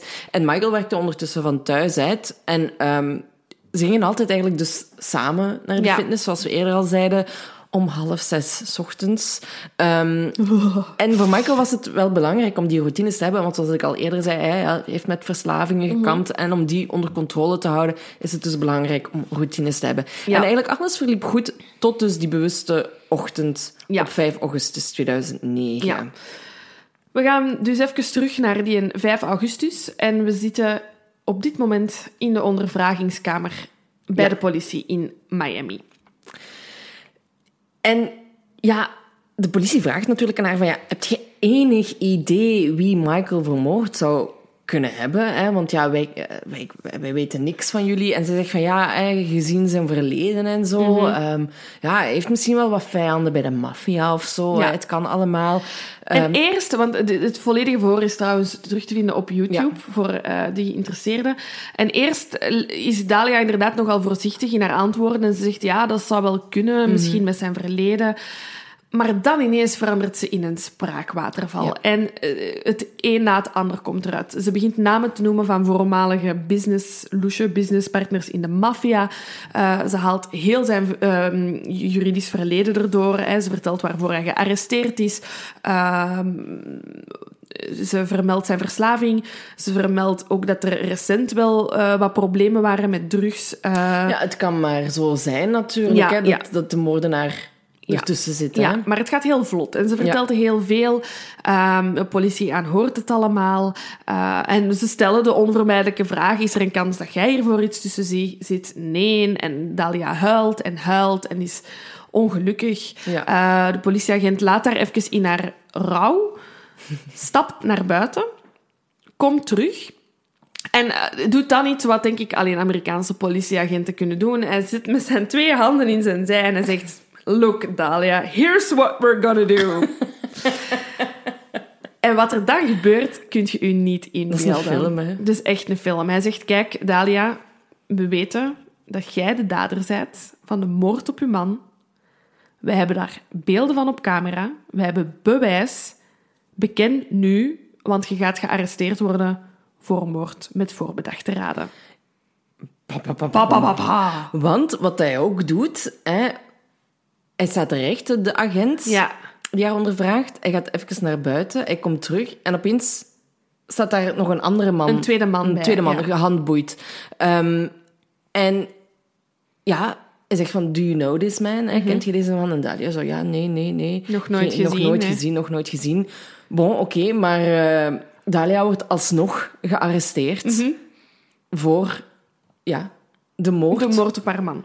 De politieagent zet zich en zegt... Kijk, die man die ik er net heb binnengehaald... hebt jij ingehuurd Ja. als huurmoordenaar voor uw man. Helaas is dat geen huurmoordenaar. Nee, nee, nee. nee. Helaas is de man die jij net hebt gezien... en die jij veel geld hebt betaald om je man te laten vermoorden... een undercover politieagent. Yes. En bovendien... opeens staat Michael daar ook. Ja. Dus Michael leeft nog, laten we dat even duidelijk Ja, maken. ja in- dus nadat de undercoveragent de ruimte verlaten heeft, wordt Michael naar binnen gebracht, die daar gezond en wel staat. Dalia gelooft haar ogen niet. Maar ze blijft ontkennen dat ze er iets mee te maken heeft. En hè. ze speelt het zo goed. Ze kijkt naar Michael en dat is een blik, dat kun je bijna niet acteren, blijkbaar wel. Maar dat kunt, en die zo vol ongeloof, kijkt naar hem en, denkt, en, en zegt, gaat het? En kom naar hier en ik wil u vastpakken. Maar Michael heeft zoiets van, ja, dat gaat niet, dat mag niet. Hij zal zelf ook wel heel hard in de war zijn. En de politie Ja. zegt ook, sorry, we gaan het hierbij laten. Maar het is tijd voor bekentenissen. Maar dat komt niet. Maar dat komt niet. Maar al goed dat de politie bewijs heeft. Ja. En daar zullen we nu even op Ah, maar echt, ik hoop dat jullie allemaal even bekomen zijn, even jullie kava hebben bijgegoten. Zet even op pauze anders. Ja. En, voilà, oké. Ehm, we, we, gaan, we gaan nu een, een paar dagen Ja. voor de vermeende moord. Ja, we zijn 31 juli 2009. Yes. Dus zes dagen voor de moord. En er stapt een man, genaamd Mohamed Shihadeh, naar de politie om aan te geven dat een vriendin van hem, genaamd Delilah, eh, van plan was om haar man te laten vermoorden. Ehm, en wat die Delilah zegt tegen die, tegen die Mohammed is van ja, ik zit in een eh, gewelddadige relatie en het gaat allemaal veel te snel en ik, ja, ik moet er vanaf. Ja. Ehm, ik, ik moet weg uit deze relatie, want ik voel me gewoon niet veilig, zegt zij. Van, ehm, kent jij iemand of zijt jij bereid om misschien mijn man te vermoorden? Ehm, waarop ze ook zegt, die Delilah, van ja, als jij het niet doet, dan, dan vind ik wel een andere manier eh, om het te doen. Maar Mohammed was zodanig verontrust Ja. door dat gesprek, Ja. dat die gelukkig naar de politie Ja. is gestapt. Eh, en eh, ja, de politie wist eerst nog niet zo goed wat ze ermee moesten Nee. doen. Maar Mohamed is gelukkig, hij is, hij is best wel eh, overtuigend, omdat hij, hij zegt ook tegen de politie, kijk, hij, is- hij spreekt wel van Delilah, maar het gaat hier dus wel degelijk over Dalia. Eh, ze hebben een verleden, hè. Ehm, Ja. Ze kennen elkaar al een tijdje, ze hebben een soort van relatie gehad. Hij noemt het zelf, we zijn intieme vrienden geweest. Ehm, noem het seksbuddies, friends with benefits, friends with ik weet niet. Maar dus ze kennen elkaar wel, wel vrij oppervlakkig. Hè. Ze hebben nooit echt gedate, ze hebben nooit elkaars vrienden of familie gezien, maar ze kennen elkaar wel. Ehm, en ze waren elkaar wel uit het oog verloren en het was eigenlijk pas recent dat ze terug contact hebben. En het is in dat contact eigenlijk dat Dalia Mhm. tegen Mohammed zegt, kijk, ik wil af van mijn man. Ehm, en zij haalt inderdaad de argumenten aan van het is een gewelddadige relatie en het is de enige oplossing eh, dat Ja. ik zie. Ik denk dat Mohammed op zich niet meegaat in het verhaal, maar wel met Dalia blijft contact Ja. houden en erover praat, omdat hij oprecht inzit met haar. Ja. Ehm, dus hij, gaat, hij, hij, is niet, hij zegt wel van, the fuck, ik ga die niet vermoorden, maar hij, hij houdt het contact wel, wel staande en hij zegt, ja, misschien kan ik u wel helpen. En elke keer dat hij met Dalia afspreekt, komt er zo wat meer en meer informatie. ehm, en verdwijnt het argument van de gewelddadige relatie wat meer naar de achtergrond. En komen er een beetje andere oppervlakkige argumenten naar boven. eh, waarom Dalia eigenlijk haar man Michael wil vermoorden. Ja. Dat is zo. Ja. Dat, is- dat is. Maar, maar, maar, wat ik gewoon heel raar vind, is dat Mohammed haar naam niet wist. Nee, nee. en hij, hij- hij kent ook haar familienaam niet. Nee. Hij kan haar uiterlijk wel beschrijven als in... Ze is heel knap. dat is een van de eerste dingen die hij zegt tegen de politie. Dus ik vind het wel bijzonder dat de politie het zo serieus neemt. Ja, die hebben zoiets van, ja, er staat toch een leven op het spel van iemand. Hè? Mhm. Ehm, dus laten we het toch maar onderzoeken en een geheime politieoperatie Mhm. op poten zetten. Ehm Mohammed heeft dan afgesproken met eh, Dalia eh, en de politie heeft dan een verborgen camera geplaatst in die wagen. En door die meeting kwam de politie dus erachter dat het om Dalia ging. Ehm, en ook zei ze dat... hè, hier komt dan weer zo'n zo'n andere motief Ja, eh, iets. Van dat Michael achter haar aan zou komen als ze de scheiding zou aanvragen. Hè? Dus ze voelde zich nog steeds niet veilig. En dat ze hem dus moest laten vermoorden. Eh, en zij zegt in dat filmkanaal van ja, de, de, de politie gaat echt denken dat het iemand uit zijn omgeving is geweest, Ja. aangezien zijn verleden. Ehm, en Mohammed, hè, wetende dat de politie meeluistert, zegt van ja, ik ken wel iemand. Eh, ik kan wel iemand regelen voor u die dat Ja. wil doen. Eh, en Dalia heeft op dat moment ehm 1200 dollar aan Mohammed gegeven en ook een foto van Michael. Dus dit wijst er wel al op dat, ze wel serieus is. serieus is. Ja. Dus de politie heeft zoiets van, oké, hier moeten we mee verder. Want we hebben nog niet genoeg concreet bewijs dat ze ook effectief die Ja. moord wil laten uitvoeren. Dus zetten ze een meeting op poten met zo, die zogenaamde hitman die we daar straks in het verhoor hebben dus gezien. er een undercover agent Ja. eigenlijk wordt ingeschakeld.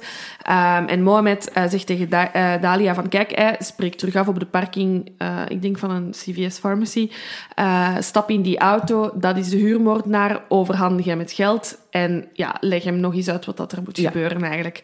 Ehm, dus op dit moment, op zich al super zot dat hij Mohamed undercover gaat bij de Oh my politie. God, want ja. hij is ook maar een gewone burger, zoals elk van ons. Ik zou daar echt al mijn eigen hebben ondergepist als ik zoiets zou moeten doen. Ehm, maar nu wordt Talia eigenlijk in de auto gelokt bij een undercover agent. Iemand die getraind is om zo'n dingen te doen. Dus je merkt ook... De, dit staat ook allemaal op YouTube. Hè, voor de geïnteresseerden. Het is echt één grote soap. Later meer daarover. Ehm, Dalia stapt in de auto bij de undercover agent en die stelt dan echt wel wat meer gerichte vragen. Ehm, eh, het, het eerste wat hij doet is haar complimenteren over haar uiterlijk. En je merkt dat Dalia eh, zo'n dingen heel belangrijk vindt. En hij zegt zo, "Ik- waarom wilt je, wa- wat is de reden? Waarom wilt je man eh, vermoorden? En inderdaad, zij herhaalt, ja, ik raak er niet vanaf. Als ik de scheiding ga aanvragen, dan gaat hij achter mij aangaan. En daarbij, ik ben al zoveel geld aan, mij, aan hem kwijtgeraakt. Het is genoeg geweest. Ja. Vind ik al een heel raar argument, maar oké. Die man zegt, kijk, je weet dat als je mij nu het geld geeft, binnen de zoveel tijd pleeg ik de moord. Je hebt geen tijd om je te bedenken. En dan komen de bekendste woorden van Dalia, ja, ja, ja, inderdaad. die zo pijnlijk zijn en op beeld staan. Zij antwoordt op die, op, op die opmerking van die man... Ik ben 5000 procent zeker dat ik mijn echt... Niet 100, hè, maar 5000. Ik, wil, ik ben 5000 procent zeker dat ik mijn echtgenoot wil vermoorden. En daarmee had de politie nu het bewijs dat Dalia echt intentie had om Michael te laten vermoorden. Maar de politie laat het daar dus niet bij. Want Nee, want wat zou je kunnen doen? Je hebt dit op camera. Die een undercover agent weet dat. Die Dalia zit naast u in de auto. Je kunt perfect die auto vergrendelen, die vrouw arresteren en zeggen: Ja. You're under arrest. Maar dan doet de politie iets supercool. dus die laten Dalia vertrekken, die laten die mens, eh, dus die undercover agent, dat geld aannemen. En die beslissen om de moord zogezegd uit te voeren. Ja, inderdaad. Dus hè, wat, wat we daar straks hebben gezegd, ze hebben ja, die crime scene op poten gezet met allemaal politielint afgebakend en wat nog allemaal. Ehm, en dan hebben ze inderdaad Dalia gebeld van, kijk, je moet nu meteen komen, want er is iets gebeurd. Waarna ze dus, hè, zoals we Ja. gezien hebben op de beelden, het nieuws krijgt eh, dat haar man doodgeschoten is. Ja. Nu, ehm, ze hebben Michael natuurlijk eerst gewaarschuwd. Ze Ja. zijn eerst bij hem gaan aanbellen. Hij doet de deur open en ziet al daar allemaal politie Ondertussen staan. die politieagenten die crime scene al aan het voorbereiden. Die mens denkt, wat is er hier Wat gebeurd? is er hier aan de hand? En dan krijgt hij het horen van, ja, je moet echt nu met ons meekomen, want u, je bent niet veilig. Ja. Uw vrouw wil u vermoorden. Ja. Dus Michael, ja, om half zes of wat was het, zes uur 's ochtends, Ja. denkt, what the fuck is Nog hier half aan bloeden van die liposuctie. Hij had het al zo zwaar van zijn complicaties, dat Ja. er dan ook nog eens bij. Ehm, en ja, als je dan die beelden opnieuw bekijkt van dat programma Cops, nu je heel dit verhaal kent, ehm, dus de politie, nog voordat hij het woord has been killed heeft uitgesproken, begint Dalia al krokodillentranen Ja. te wenen, eigenlijk. Ehm, en dat is, dat is, ja, daar wijst er al iets op van... Daar zit Hier iets klopt niet goed. iets niet. Nu, ik blijf erbij. Voor mij, ik vind het altijd heel moeilijk. eh, we hebben dit al gezegd in de zaak van Amanda Knox. Iedereen reageert anders. Ja, is- Ik denk, als ik thuis kom en er hangt politielint Mm. en de politie zegt nog maar de naam Lucas, dat ik ook al aan het Ja. wenen zou zijn. Dus ik, ik, ik, ik zeg het, ik vond haar ehm, reactie vrij oprecht. Zeker dat aanklampen aan die agent. Dat is echt, voor mij is dat een heel natuurlijke reactie, dat je een soort van houvast zoekt. Ehm, dus Dalia, hey meisje, gaat echt een carrière Ja. kunnen beginnen in... in, in ik, had ze zo een rolletje gegeven. Ehm, nee, echt waar. eh, ze, heeft het, ze heeft het zeer goed geacteerd. Hè. Ehm, maar wa- wat gebeurt er nu? Ze is geconfronteerd met de feiten. Michael is geconfronteerd met de feiten. En dan gebeurt er nog van alles voordat we eigenlijk aan de uitkomst van het verhaal zijn, wat dat eigenlijk ook nog altijd niet 100% duidelijk is. Dus want de politie heeft zoiets van, oké, dit is glashelder. Jij hebt iemand ingehuurd om je man te vermoorden. En dat is niet gelukt, want wij zijn ertussen gekomen. Maar Dalia blijft ontkennen. Ze blijft ontkennen. Hè? Maar als we nu eerst eens even het motief Ja, gaan ja behandelen... van wat, wa- dat- wat de politie politie- denkt dat haar motief is eigenlijk. Inderdaad, hè? want waarom zou ze Michael willen laten vermoorden? Nu, dan moeten we weer even terug naar het verleden, naar het feit dat Michael eh, in de gevangenis heeft gezeten en zijn slachtoffers nog moest terugbetalen Ja. hè, voor de fraude die hij had gepleegd. Ehm, nu, het, het koppel heeft op een gegeven moment een advocaat ingeschakeld Mhm. Die voorstelde dat Michael best in één keer het bedrag van 190.000 dollar zou betalen, zodat hij ook van zijn proeftijd af zou zijn. Ja. Hij kon dat afbetalen. Ja, kon blijkbaar. zich Ja, dus als hij al zijn slachtoffers zou vergoeden, dan zou hij ook af zijn van het feit dat hij ja, under probation staat. Hè, wat dat dan in, ik weet niet in- wat dat precies in Amerika inhoudt, maar ik weet wel dat je regelmatig. Eh, hè, een Je moet gaan melden ja, je moet je gaan melden, je moet praten over je leven, je moet. eh, je- mocht het land ook niet uit Nee, en je zo. mocht, eh, je mocht niet reizen. Dus ik snap wel als jong gehuwd koppel dat je daar vanaf wilt zijn. Ehm, en zo wordt er gesteld dat Dalia Michael daarin wilt helpen.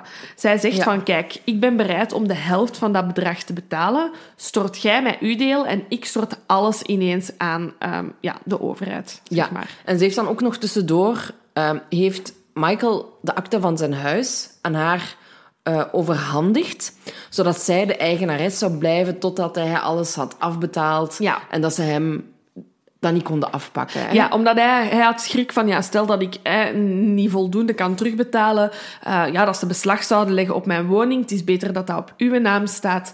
Eh, het enige wat je kan denken is dom, dom, dom, dom. Ja, niet doen, niet doen, niet doen. Je kent die vrouw nog niet zo lang. Je bent vijf dagen getrouwd na uw scheiding. Dit lijkt me geen goed idee. Maar ja, Michael, ik weet niet, is het goed gelovig? Wilt hij echt zo hard af van dat ju- juridisch verleden? Ja. Wilt hij dat loslaten? Eh, maar dat zijn dus allemaal keuzes dat hij maakt. En ja, de politie ziet dit achteraf natuurlijk als een perfect motief. Hè. Ja. Dalia heeft zoveel geld van hem ontvangen. Ze heeft zijn woning. En ze heeft, het punt is dat ze dat geld nooit heeft overhandigd Nee. aan de advocaat van Michael. Ehm, en Michael zegt ook, ja, vanaf daar ging het eigenlijk goed fout. Mhm. Vanaf dat moment dat, eh, dat zij mijn geld had gekregen. Want eh, van zodra Dalia dus dat geld had ontvangen, kwam Michael ook steeds meer in aanraking met de politie terug. Ja. Terwijl dat daarvoor nooit het geval. Ja. Allee, of minder het geval. Hij was altijd goed bezig met zijn Ja. eh, En ineens gebeurden rare dingen Ja. in zijn leven. Hè. Er wordt, hij wordt tegengehouden bij een politiecontrole. Zijn hele auto wordt achter, achterstevoren uitgekampt op zoek naar drugs. Hij zou zogezegd drugs hebben. Ja. Ehm, Ze dat ge- vinden ook drugs op Ja. een gegeven moment. Ja, hè? ze vinden... Want dit is meerdere. Ik geloof Ja. dat hij drie keer eigenlijk eh, is tegengehouden door eh, politie om hem eh, ja, te fouilleren. En zeker één van die drie keer hebben ze twee kleine zakjes cocaïne gevonden in zijn wagen, waarvan hij zei van, ja, sorry, maar dat is niet van mij. Hij is echt beginnen wenen, hè, omdat hij wist van shit, het is nu weer voorbij, ik kan weer naar de gevangenis. Ja, Maar de politie geloofde hem. Die Ja. hadden echt zoiets van, oké, dit is echt oprecht dat die man hier staat te Ja. huilen. ja, We laten hem gaan. ja. En de ouders en de familie van Michael zegt... Michael, Hmm. sorry, dit, dit is Dalia. Hè. Zij Ja. heeft dit gepland. Ehm, zij heeft die drugs in uw auto verstopt. Dat meisje heeft het niet goed voor met u. En wat toen Michael blind, verliefd, ik weet het niet, hij verdedigt haar. Hij komt voor haar op en hij zegt, nee, ik denk niet dat, dat het haar schuld is. Hè. Hij denkt zelf ook aan de mensen uit zijn verleden, aan wie hij dus ja, waarschijnlijk ook nog geld zal verschuldigd geweest zijn. Ja. En hij verdedigt haar.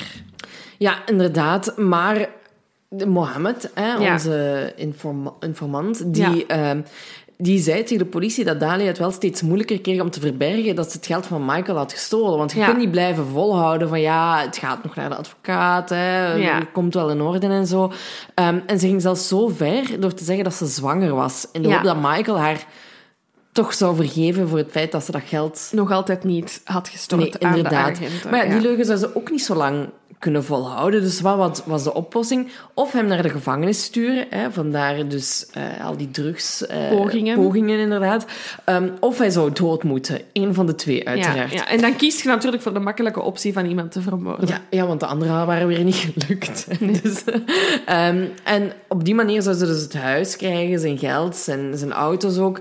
Ehm, en volgens Mohammed heeft ze zelfs geprobeerd om hem zelf een keer te vermoorden. Ja, inderdaad. Ehm, want Dalia die ging ook heel vaak zo naar Starbucks of weet ik veel wat, een koffie halen voor Michael. Ehm, en op een gegeven moment ehm, heeft ze een deel van die koffie vervangen door antivries. En wij, wij true crime liefhebbers kennen dat wel allemaal. Dat is geur- en smaakloos, maar zeer dodelijk als Ja. je dat meerdere malen zou toedienen. Ja. Maar Michael had er toch iets aan gemerkt dat er iets mis was met zijn koffie of met, of met zijn thee en heeft dat terug meteen uitgespuwd. Hij is er wel ziek van geweest. Ja. Maar toen dacht Dalia van, oké, ja, ik, ik kan dit niet, ik moet het toch... Ik kan geen moord plegen. Ik kan het niet. Ehm, dus ja, en ook ehm, voordat ze dus naar de fitness is gegaan, die bewuste ochtend, heeft ze ook al haar waardevolle spullen meegenomen. Omdat de hitman, hitman had gezegd van ja, ik ga het doen lijken alsof het een overval is. Ja, inderdaad. Dus in haar tas zaten ook zo juwelen en toestanden. Ja. Dus het gaat daar echt gewoon enkel en alleen om het geld. Ja, inderdaad. Hebzucht is het Ja, motief hier. ja, ja, en dat is wat dat politie voorlegt. Ja. En waar dat Michael zich ook in kan vinden. Hè. Achteraf, als hij alles achteraf bekijkt, heeft hij zoiets van... Oké, ja, die vrouw is echt gewoon uit op mijn geld. Ja. Dit is het. Ehm, Dalia wordt gearresteerd. Ehm, En ze wordt eh, ver- allee, beschuldigd van ehm, het aanzetten tot moord. ja, inderdaad. dus niet voor een, voor, een, voor een moord, maar gewoon hè, de intentie was er om iemand te nee, vermoorden. nee. Uiteindelijk in 2011 komt dat rechtszaak eh, voor. Mhm. Ehm, en dan komen de advocaten van Dalia met een fantastisch verhaal. Wat zeggen zij? Eh, want ja, het, is, het li- het lijkt me heel moeilijk met zoveel bewijs om zo iemand te Ja. verdedigen. Maar haar advocaten doen een poging en echt, ik was er bijna ingetrapt. Eh haar advocaten zeggen van, kijk, Michael wist dat dit allemaal ging gebeuren. Want iets wat dat nog niet vermeld is over het leven van Michael en Dalia, is dat ze alle twee zot zijn van reality tv. Ik denk dan inderdaad aan dingen als Temptation Island en Ex on the Beach en Love Island. Love Island, The Bachelor. Dat zijn shows, ze kijken dat met twee, ze bingen dat, they love it. En Michael en Dalia zitten op een zondagavond, zo beeld ik het mij in, Ja. in de zetel in Miami te kijken naar zo'n show. Scrollen op Instagram en zien wat voor bakken geld die realitysterren verdienen. Reality, maar dat was heel schoon. Realitysterren verdienen. En die hebben zoiets van, dat kunnen wij ook. Dat kan niet zo moeilijk zijn. We gaan dat proberen. Dus de advocaten van Dalia beweren dat Michael in heel deze opzet ook gemoeid was. Dat hij op de hoogte was dat Dalia een, ehm, een hitman ging inhuren. eh, dat het een soort van hitman gone wrong ging worden. Ehm, en het feit dat de politie hen onderschept heeft, heeft Michael de kans gegeven om eigenlijk uit de hele zaak weg te trekken, terwijl hij eigenlijk op de hoogte was, op de hoogte, uh, ja, op de hoogte was van zijn eigen moord. Hè. Hij wist ook dat dat allemaal opgenomen was. Um, en de advocaten geven als extra argument, ja kijk, die, het feit dat die show van Cops daar aanwezig is, dat die net op dat moment daar zijn om dat allemaal vast te leggen op beeld, dit is allemaal één groot spektakel. Dit was de bedoeling om een reality-programma te worden. Maar het pakt niet. Het heeft niet gepakt. Um, ik zou het moeilijk hebben als jurylid. Ik zou echt zoiets hebben van, mm, ja, mm, misschien. Uh, helaas, ze wordt veroordeeld tot 20 jaar gevangenis. -hmm. Ik geloof niet dat het, uh, dat het langs Michael zijn kant komt. Ha, ik denk iemand die zo, zo, zo hard in aanraking is gekomen reeds met het gerecht. Ja, die blijft toch zo graag zo ver mogelijk weg van en de politie. En je ziet ook, allee, bedoel, hij, zijn probation officer geeft ook aan dat hij altijd zeer correct is geweest. Hè. Als hij dan wordt gepakt met die drugs in zijn auto, is hij zo in paniek. Ik denk niet dat hij op de hoogte was. Ik denk wel dat hij... Dit is zo'n figuur... Michael is een figuur misschien goed van inborst, maar die de ene foute keuze naar de andere maakt in zijn Mm. leven en dat bijna heeft moeten bekopen met zijn leven. Um, dus dat is wel super pijnlijk. Uh, de show goes on. Ja, want... want... nee, doe maar, doe maar. maar dat het gewoon zo absurd is. Ja. Blijkbaar um, was er iemand van de jury, of waren er een paar mensen in de jury fout geïnformeerd. Of ook niet op, op de juiste manier geselecteerd om in de jury te zitten. Ja. Omdat ze ja, die beelden waren online verspreid overal. Ja. Die waren overal, omdat volgens de wet in Florida mag dat. Ja. Maar ja, daardoor zei de, zei de verdediging van ja, maar die zijn super bevooroordeeld Mhm. al over de zaak. Dus dit kan niet. Dit, Dit moet opnieuw niet. gedaan worden. Nee, dus de zaak, um, in 2014 wordt dat vastgesteld en er wordt een nieuwe zaak georganiseerd in 2016. Um, Dalia wordt voor dezelfde misdaden hè, um, naar voren gebracht. Uh, de tweede keer heeft ze nieuwe advocaten. De reality-tv-verhaal uh, komt niet meer ter sprake. Uh, ik denk dat de, de um, zoiets hadden van nee, dit heeft niet gewerkt, dit gaat echt niet nog eens werken. Maar wat ze dan wel doen, is het poli de politie ja. um, in vraag stellen. Dus de advocaat van Dalia zeggen, oké, okay, nee, nee, nee, nee, nee. Oké, okay, Dalia ging geen reality soap maken, maar die politieagenten wel. Die hebben bewust de cops reality show gebeld en gezegd, wij hebben hier echt een goed verhaal. Ze hebben daar veel meer opgeblazen in medeweten van Dalia en Michael om goede tv um, te maken voor uh, enerzijds en om anderzijds zelf heel goed in beeld te komen, want kijk eens wat dat wij hebben gedaan. We hebben een moord verhinderd. Dus eigenlijk schieten ze hun pijlen nu op dat politiedepartement. Um, tijdens dat tweede proces. En ik, ik, ik, kan daar wel in komen, want zoals jij daar net al zei, van, ze hadden haar in die auto. Mhm. Waarom is het dan nodig om die stap verder te gaan? Ik heb daar wel ethische vragen ik bij. Heb er heel, ik heb er heel veel vragen bij. Um, het, het, het, klinkt als veel drama en um, ik, ik werk zelf in tv en ik zie dit niet in België gebeuren. In Amerika anderzijds ja, misschien dat er vanuit kops gepusht is geweest. Ja, zoiets. En, en allee, hè, ik hoop dat ik hier geen hart ga breken, maar reality TV, TV bestaat niet. hè. Dit is, is, altijd gescript. Hè. Dingen die gebeuren in Temptation... Oh, ik mag dat allemaal niet zeggen. Maar nee, maar in, er, er wordt gestuurd. Hè. Er is Ja. een regisseur bij Temptation Island of Love Island of... Uh, zelfs bij de mol, als je naar dingen kijkt... Allee, niks is wat het lijkt. Het blijft tv. Ja. Het blijft tv. Um, en in België zijn we daar zeer correct in. Uh, in Amerika heb ik mijn twijfels daarbij. Ja, zeer zeker. Dus uh, ik weet het niet. Maar toch blijf ik wel denken... Um, want de, intussen tijd, tussen al die um, rechtszaken door...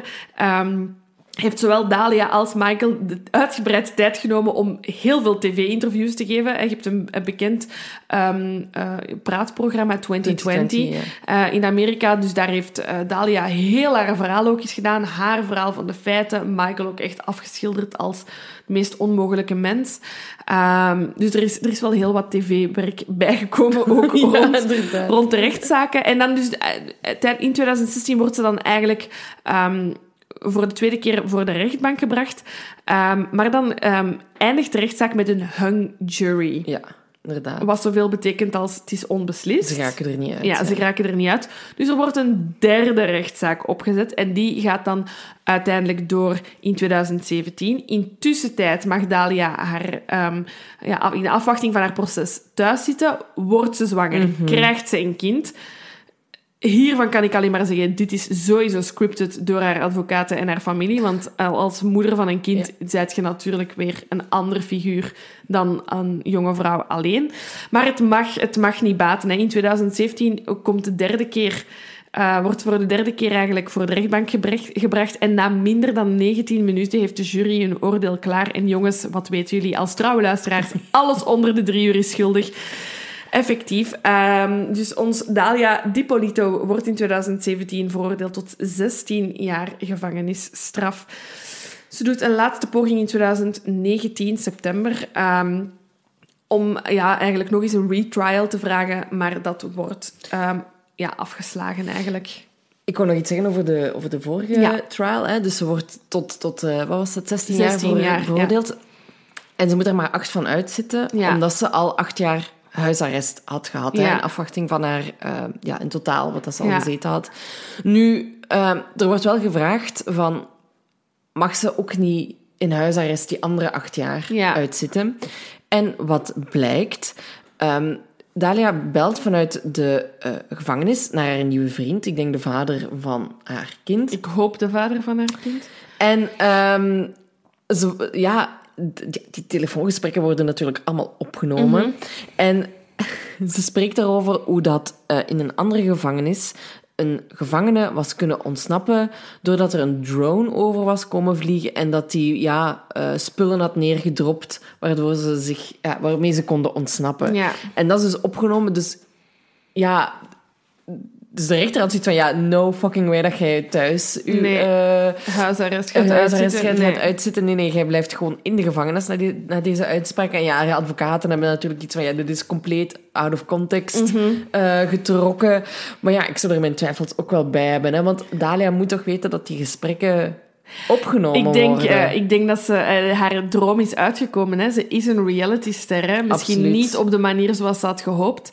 Uh, maar ik, ongetwijfeld als deze vrouw vrijkomt, gaat hij gaat iets doen om in de media te komen of in de media te blijven. Oh, sowieso. Gaat die schrijft opnieuw doen? Die schrijft een boek. Die, misschien krijgt ze wel een reality Ja. soap. Je krijgt dat verkocht, hè, zoiets. Dat is, uh, Absoluut. daar kijken mensen naar. Maar in de gevangenis nu... Um, ze, ze staat aan het hoofd van een Bible study group Ja. in de gevangenis. Ja, ja. Um, en dat ze wel, wel heel erg gerespecteerd wordt in de gevangenis, ook vanwege haar uh, geloof. ja.